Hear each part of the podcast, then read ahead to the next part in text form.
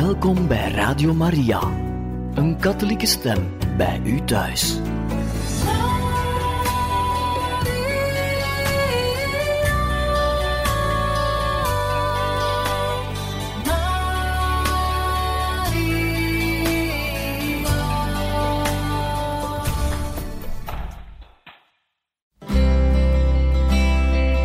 Welkom bij Boekat, een programma van Radio Maria.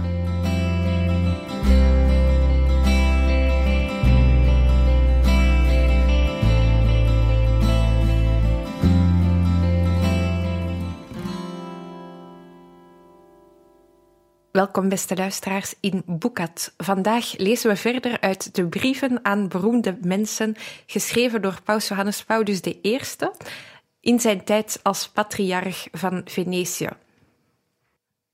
Albino Luciani, zijn naam voor hij paus verkozen werd, had toen de ongewone opdracht aangenomen om iedere maand een brief te schrijven aan een beroemde persoonlijkheid. Aan Aldus Manutius. Aldus Manutius was drukker en uitgever. Geboren te Bassiano, leefde van 1449 tot 1515. Hij richtte in 1494 in Venetië een drukkerij op, die later beroemd werd om het sierlijke cursieve lettertype, door hem uitgevonden en italiek genoemd, als ook om de filologische kwaliteit van haar uitgaven van de klassieken.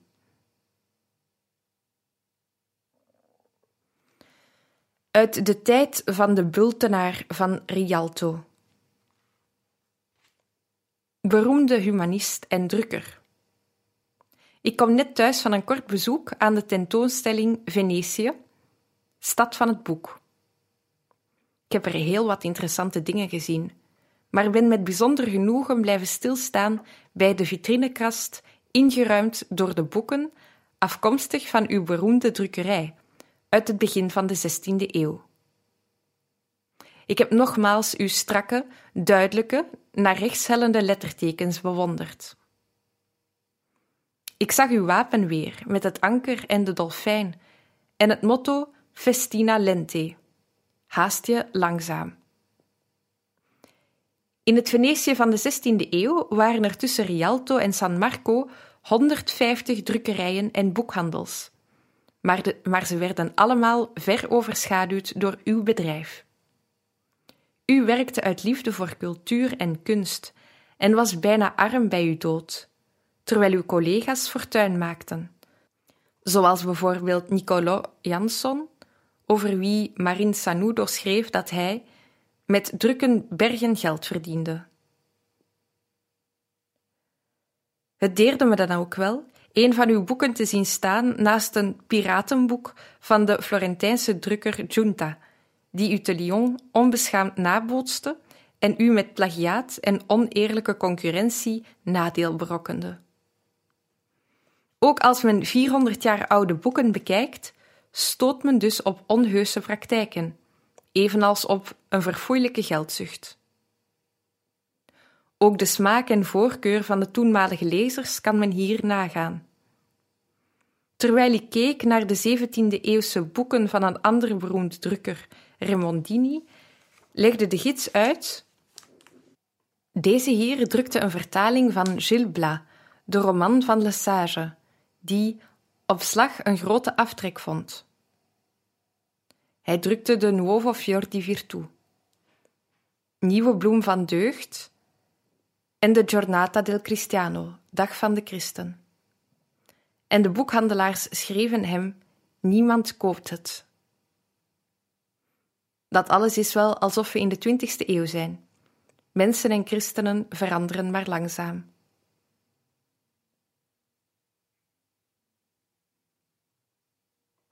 Waarde Manusius, ik had er wat voor over u eens te kunnen zien in een moderne drukkerij. Uw pers drukte 300 bladzijden op één dag. De rotatiepersen van vandaag produceren tientallen duizenden kranten per uur. In uw tijd waren boeken zo kostbaar dat ze met kettingen vastgemaakt werden aan de kasten in de bibliotheek.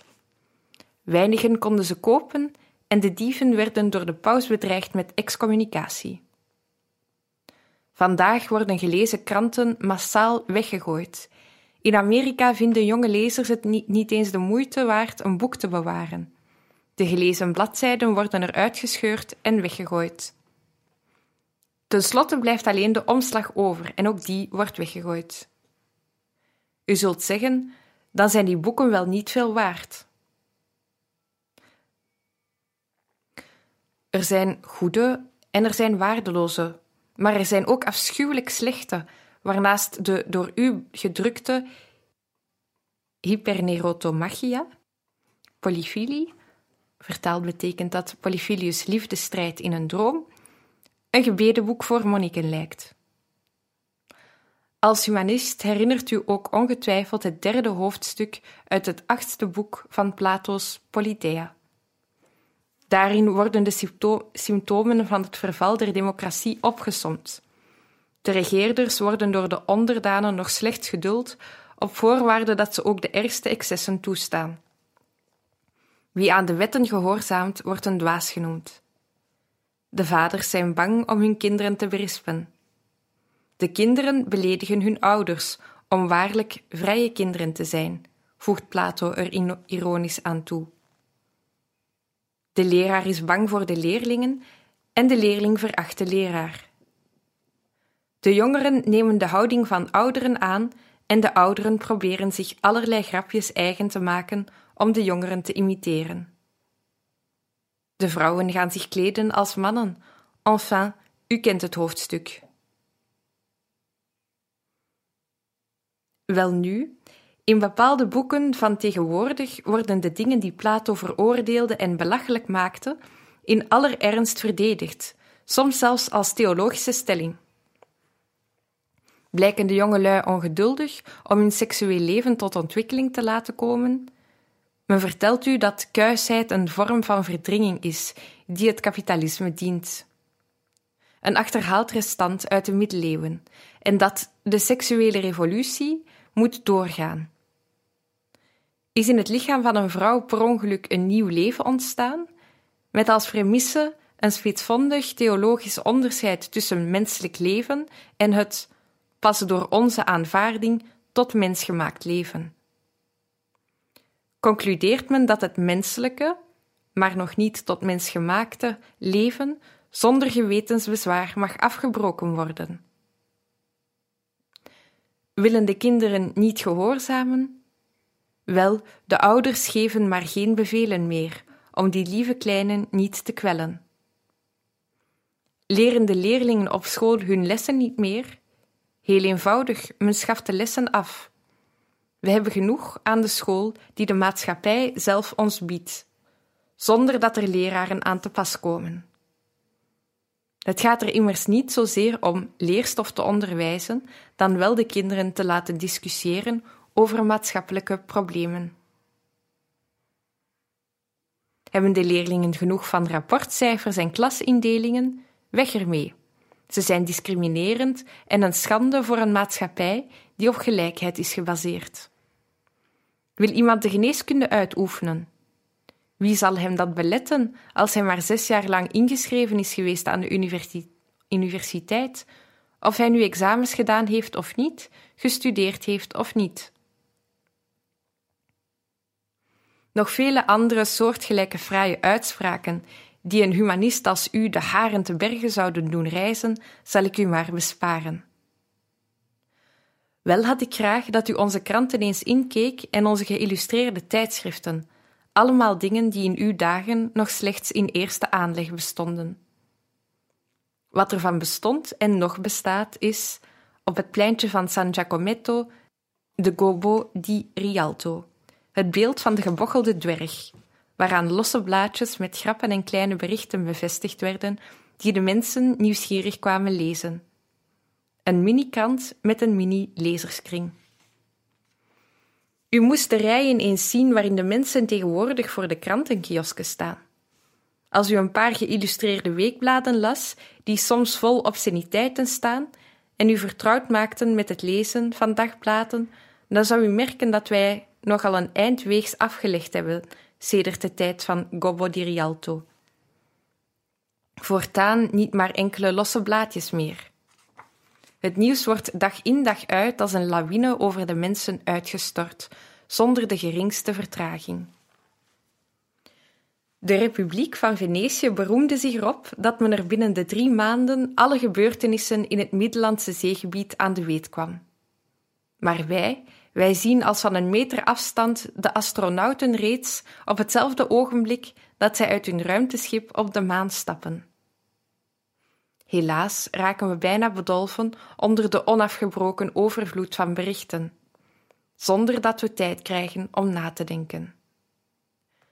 Zozeer worden we telkens weer in verbijstering gebracht dat we ons tenslotte nergens meer over verbazen, maar tegelijk ook afleren om nog van mooie dingen te genieten. Wij moeten ook rekening houden met de middelen. Laat ik proberen u daarvan een idee te geven. In Amerika bestaan universitaire leerstoelen voor reclame.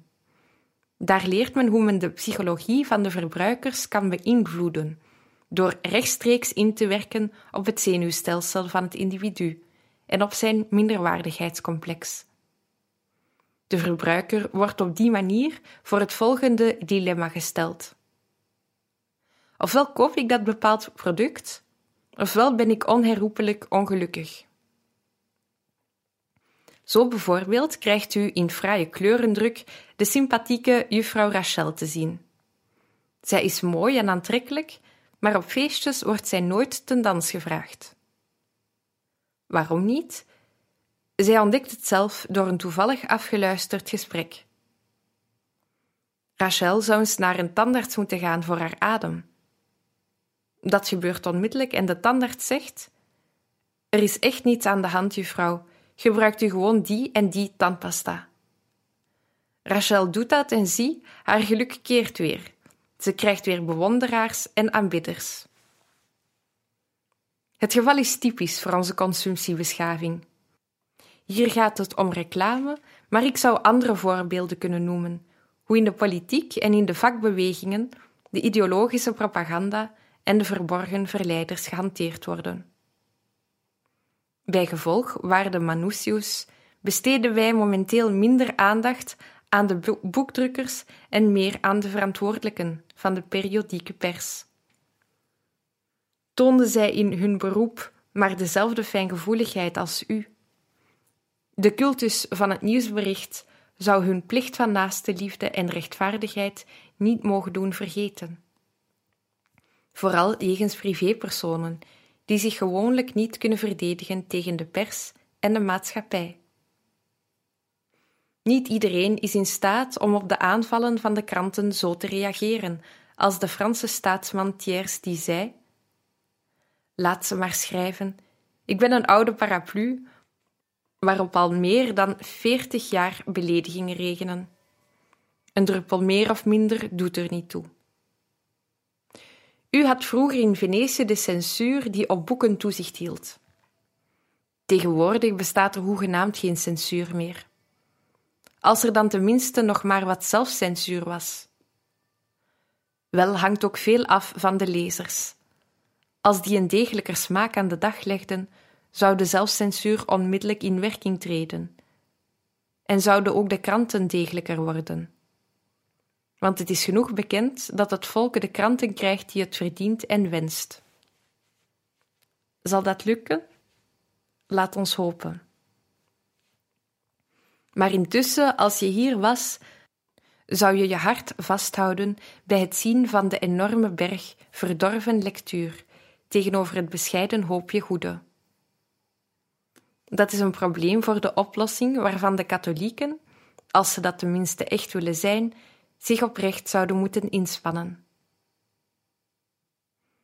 De Duitsers zeggen: De koe is mager en jullie willen dat ze veel melk geeft.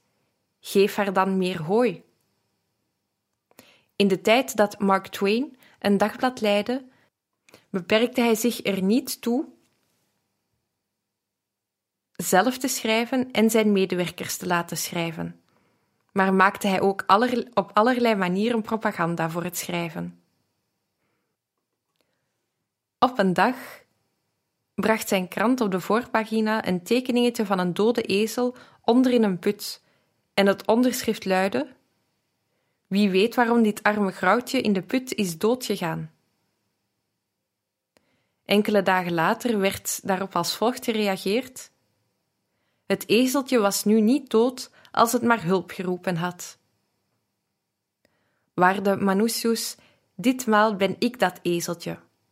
Ik roep hulp voor de goede pers.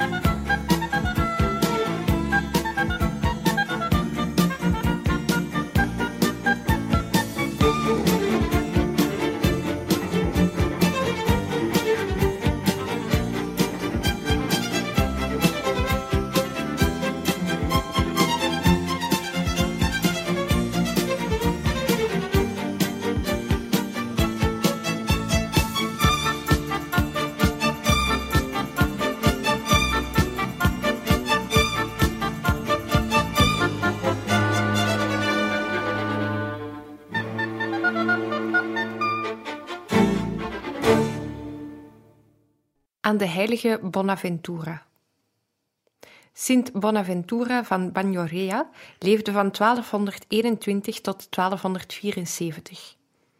Hij was magister in de theologie, generaal van de Orde der Franciscanen, bisschop en kardinaal, veel beluisterd spreker op het Concilie van Lyon, vruchtbaar schrijver op theologisch en mystiek gebied zijn gedachten, die zich concentreren op de figuur van Christus de Verlosser, bereiken hun hoogtepunt in de weg van de ziel naar God.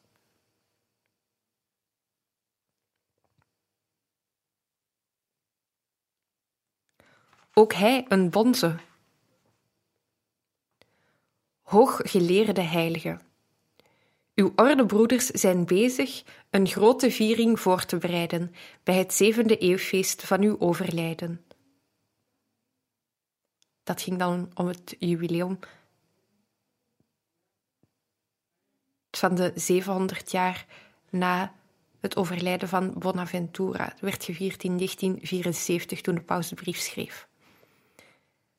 Welke aspecten van uw persoonlijkheid zullen zij daarbij naar voren laten komen?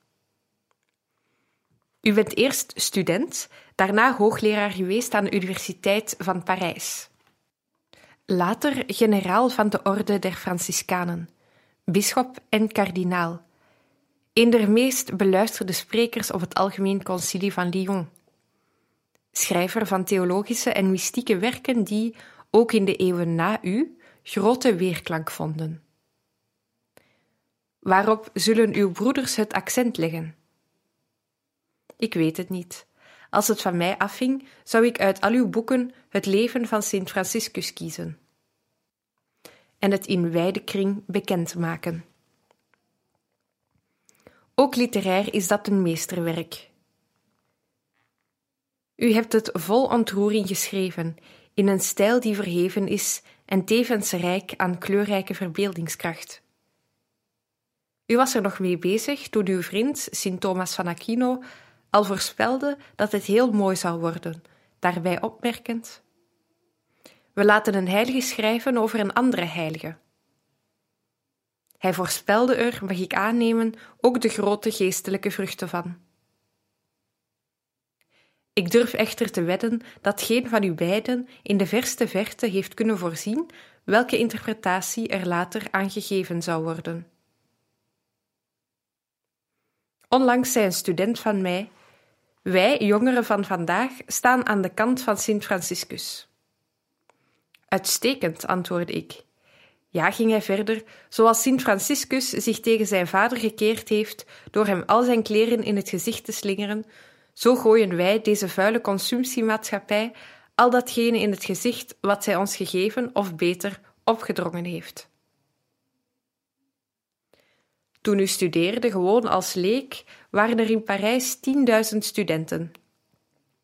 Ook zij discussieerden, maakten drukte, waren rumoerig en protesteerden vaak, maar in een andere stijl.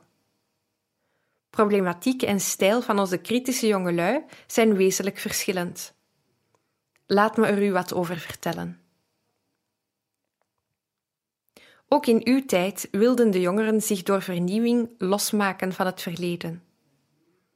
Maar tegenwoordig preken zij, althans velen onder hen, de totale breuk met het verleden en verwerpen zij en blok maatschappij, gezin, huwelijk, scholing, moraal en godsdienst. Jullie willen alles neerhalen, heb ik gezegd tegen mijn gesprekspartner van hierboven. Maar daarna? Wat is jullie alternatief voor de neergehaalde instellingen? Hij antwoordde: Dat is nou weer echt een vraag van een bourgeois. Dus onze jongeren breken wel af, maar bouwen niets op. U zult zeggen, het gaat waarschijnlijk om arme, misdeelde jongeren. Daarom hebben zij iets tegen de bourgeoisie. Maar nee, het gaat juist om kinderen uit de burgerij, om jongelui die het vaak aan niets ontbreekt. Zij hebben alle middelen om van te leven, maar ze hebben geen idealen om voor te leven. Ook zegt u misschien, er zullen toch wel redenen zijn, omstandigheden die dit alles verklaren. Zeker, en ik probeer er u enkele van aan te wijzen. Tegenwoordig staan de deuren van de hogescholen en de universiteiten wijd open. Massaal gaan de jongelui er binnen. In Italië elk jaar honderdduizenden. Er is echter niet alles te vinden wat er te vinden zou moeten zijn. Bovendien is het aantal aangeboden banen niet evenredig aan het aantal afgestudeerden. Jongelui met een doctoraal diploma of een dokterstitel vinden geen adequaat werk en het aantal werkloze intellectuelen zal in de komende jaren sterk toenemen. De maatschappij heeft deze situatie niet voorzien en de jongeren verwijten het haar. Maar alsof dit niet genoeg was, Tegelijkertijd heerst in dezezelfde maatschappij een verschrikkelijke morele en godsdienstige leegte. Iedereen lijkt tegenwoordig krampachtig materiële zaken na te jagen. Winst maken, zich omringen met nieuw comfort, in goeden doen zijn. Weinigen denken eraan dat men ook het goede doen moet. God, die ons leven zou moeten doordringen, is een ver verwijderde ster geworden, waar we slechts op heel bepaalde ogenblikken naar kijken. Men denkt godsdienstig te zijn door naar de kerk te gaan en meent buiten de kerk verder een leven te kunnen leiden gelijk aan dat van vele anderen. Een leven waarbij kleine en grote listigheden, onrechtvaardigheden en inbreuken op de naaste liefde schering en inslag zijn. Een leven dat elke logische samenhang mist. De jongeren die zo'n samenhang wel willen zien, nemen dat niet. En als zij in de kerk vermeende of bestaande ongerijmdheden ontdekken, verwerpen zij ook haar. En omdat je toch iets moet beleiden, zoeken zij het in verwerpelijke ideologieën, zoals die tegenwoordig te koop zijn, en in de krampachtige sekscultus, die een religie op haar kop is onder de naam seksuele en erotische bevrijding. En nog is het niet genoeg. Daar is de cultus van de vrijheid. Maar niet van de klassieke vrijheid om te kunnen doen wat men moet doen, zonder daarin belemmerd te worden, of om te kunnen kiezen tussen de ene zaak en de andere. Nee, het gaat om de absolute onafhankelijkheid. Alleen ik beslis wat goed is en wat kwaad. Ik wil mezelf ontplooien zonder dat een ander me de wet voorschrijft. Wie mijn verlangens in de weg staat, pleegt een aanslag op mijn persoonlijkheid. Elk gezag is onderdrukking. Elke structuur een gevangenis. Elke overheid politie. U, allerzachtmoedigste en hooggeleerde heilige, hebt verscheidene jaren onderwezen en het leraarschap was voor u een dienst aan de waarheid, aan studenten, aan de maatschappij. Maar als u vandaag terugkwam, ze zouden u, juist omdat u leraar bent, beschouwen als een der bonzen van het systeem. U zou horen spreken van ontscholing. Zo er al een school moet zijn, laat men de leerlingen dan geen stof leren, maar hen gewennen aan het discussiëren over actuele politieke problemen. U zou een collectief beheer van de school moeten aanvaarden. U zou niet alleen met de leerlingen en hun ouders, maar ook met de politieke partijen en de vakbeweging te maken hebben. De tijd nodig om de lessen voor te bereiden zou deels worden opgeëist door lange vergaderingen en discussies. Niet dat dit helemaal uit een boze is. De dialoog met de jongeren is nodig. Het is juist dat verschillende maatschappelijke geledingen zich voor het onderwijs interesseren en dat het een levend gebeuren is, waarbij overdreven en dorre begrippelijkheid en abstractheid vermeden worden. Maar overdaad schaadt. Schort het de jongeren aan eerbied voor hun meesters? Ik zou zeggen ja. Maar tegelijk tonen zij zich, en dat is goed, begaan met het lot van de armen, de marginalen, de uitgestotenen. Zij verklaren zich tegen alle maatschappelijke scheidsmuren en tegen elke discriminatie naar klasse of ras. Dat is mooie edelmoedigheid, want helaas, ook hier zien zij zich geconfronteerd met ernstige onrechtvaardigheden waartegen zij in opstand komen. Zij horen spreken van naties die zich christelijk noemen, maar waar mensen nog wegens hun opvattingen gefolterd kunnen worden. Zij zien arbeidersgezinnen die van 100.000 lieren per maand moeten rondkomen, terwijl een klein aantal lieden zich op alle mogelijke manieren enorm verrijkt. Een zangeres verdient op een avond 2 miljoen lieren en wordt miljardair door de verkoop van haar platen. De jongelui lezen over hulpverlening aan de derde wereld, maar dan geven zij er zich rekenschap van dat het gaat om enkele druppels op een gloeiende plaat. De bedragen die voor bewapening worden verkwist, liggen veel hoger en onderwijl blijven in de derde wereld mensen lijden en sterven. Er is werkelijk reden om kwaad te worden. Maar wat gebeurt? Men gaat deze gegronde verontwaardiging van de jeugd opzettelijk aanwakkeren door de samenleving van verschillende onze landen in nog donkerder en somberder kleuren af te schilderen. Daarbij zwijgt men over de monsterachtige enormiteiten van de samenleving in andere landen, die men voorstelt als model, ja, als een ideale paradijselijke toestand. Maar ik moet oppassen dat ik zelf de kleuren niet te dik aanzet. Ze zijn niet allemaal zo, onze jongelui. Velen doen serieus hun best, respecteren de waarden van onze samenleving en bereiden zich met ernst op het leven voor. Jammer genoeg laten zij zich niet horen, terwijl de anderen spreken en schrijven. De opstandigen verwachten dikwijls veel van de volwassenen, tot wie zij zich richten, maar raken ontgoocheld als ze slechts vage antwoorden krijgen en vernemen dat hun zaak de bijzondere aandacht heeft.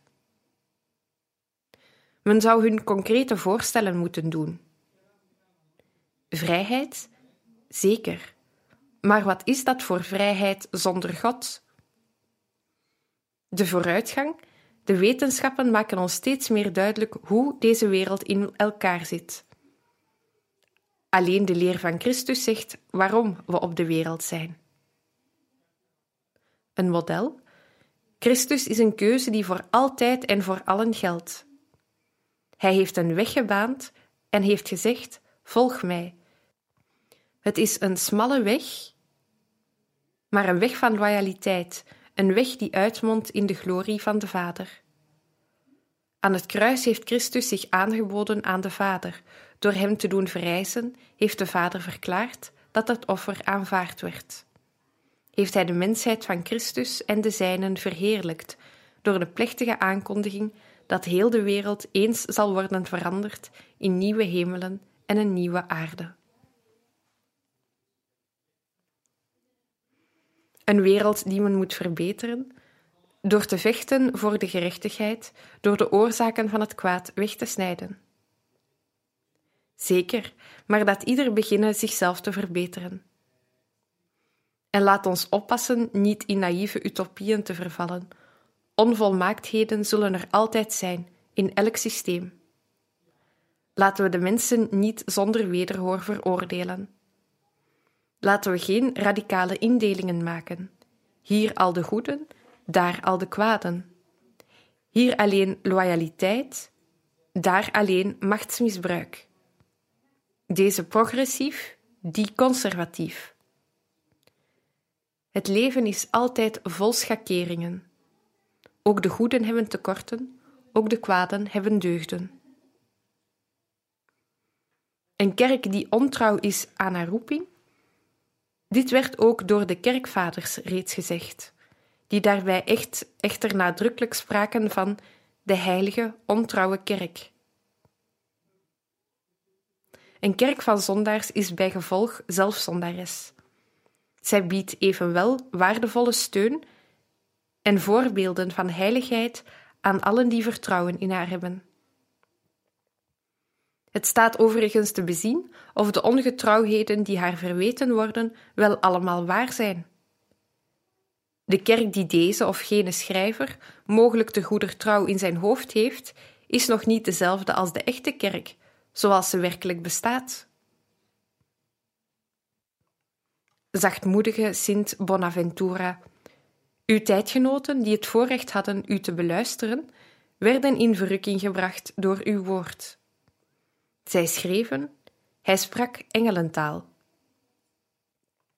Soms wens ik dat u nog als een engel sprak, vooral tot de ouders, de opvoeders, de politici, tot al diegenen die de verantwoordelijkheid voor de jeugd dragen. En soms zou ik willen dat u zegt: vreest om deze jongeren te helpen, geen enkele inspanning, geen enkele gepaste hervorming, geen uitgave, geen dialoog niet alleen in hun belang, maar ook in het uwe. Wie vandaag inspanningen en kosten vreest, kan dat morgen duur moeten betalen. Tolstoy zou bereid zijn geweest deze laatste woorden kracht bij te zetten met een van zijn parabels. In het kleine prinsdom Monaco veroordeelden vele jaren geleden rechters een boef tot de guillotine. Maar toen realiseerden zij zich dat zij voor het karwei, guillotine nog beul hadden. Zo klein was het prinsdom Monaco. Zij vroegen de beide benodigdheden te leen bij het naburige Frankrijk. Maar toen zij de huurprijs hoorden, schrokken zij. Dat kostte veel. Daarna benaderden zij de koning van Sardinië, maar weer luidde het na het horen van de huurprijs: dat kostte veel. Dus lieten ze de schurk in de gevangenis zitten. Maar de bewaking en de voeding van de gevangenen, dat begon ook veel geld te kosten. We zetten de gevangenis open, zo besloten de rechters, en dat hij er dan maar vandoor gaat. Toen de gevangene de poort geopend zag, ging hij naar buiten voor een wandeling langs de zee. Maar tegen de middag kwam hij bij de keuken van de prins zijn maaltijd opeisen. Zo ging dat één, twee, drie en nog vele dagen. De zaak dreigde zwaar op de balans van het prinsdom te gaan drukken. De notabelen besloten de man bij zich te roepen. Heb je nu nog niet begrepen dat je moet weggaan? En hij zei: Ik ga, ik ga al, als je ervoor betaalt.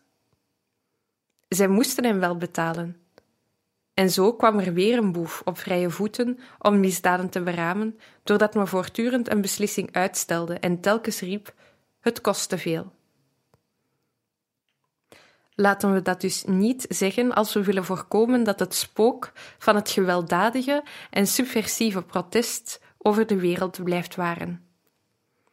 Laten we de oplossing van problemen, de nodige uitgaven, de vereiste dialoog niet uitstellen. Met deze jongelui moet gepraat worden. Laten we proberen hen te helpen met nieuwe middelen en methoden, aangepast aan de tijd, maar met dezelfde bezielde liefde waarmee u, dierbare heilige, hen hielp in uw tijd. December 1973.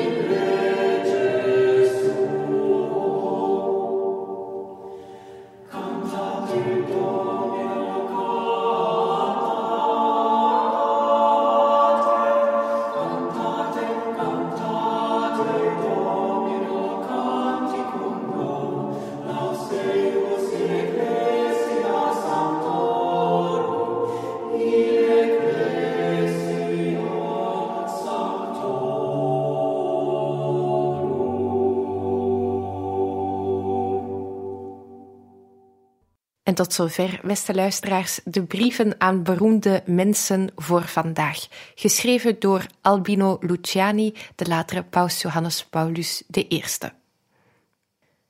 Radio Maria wenst u nog een mooie dag toe en veel luisterplezier.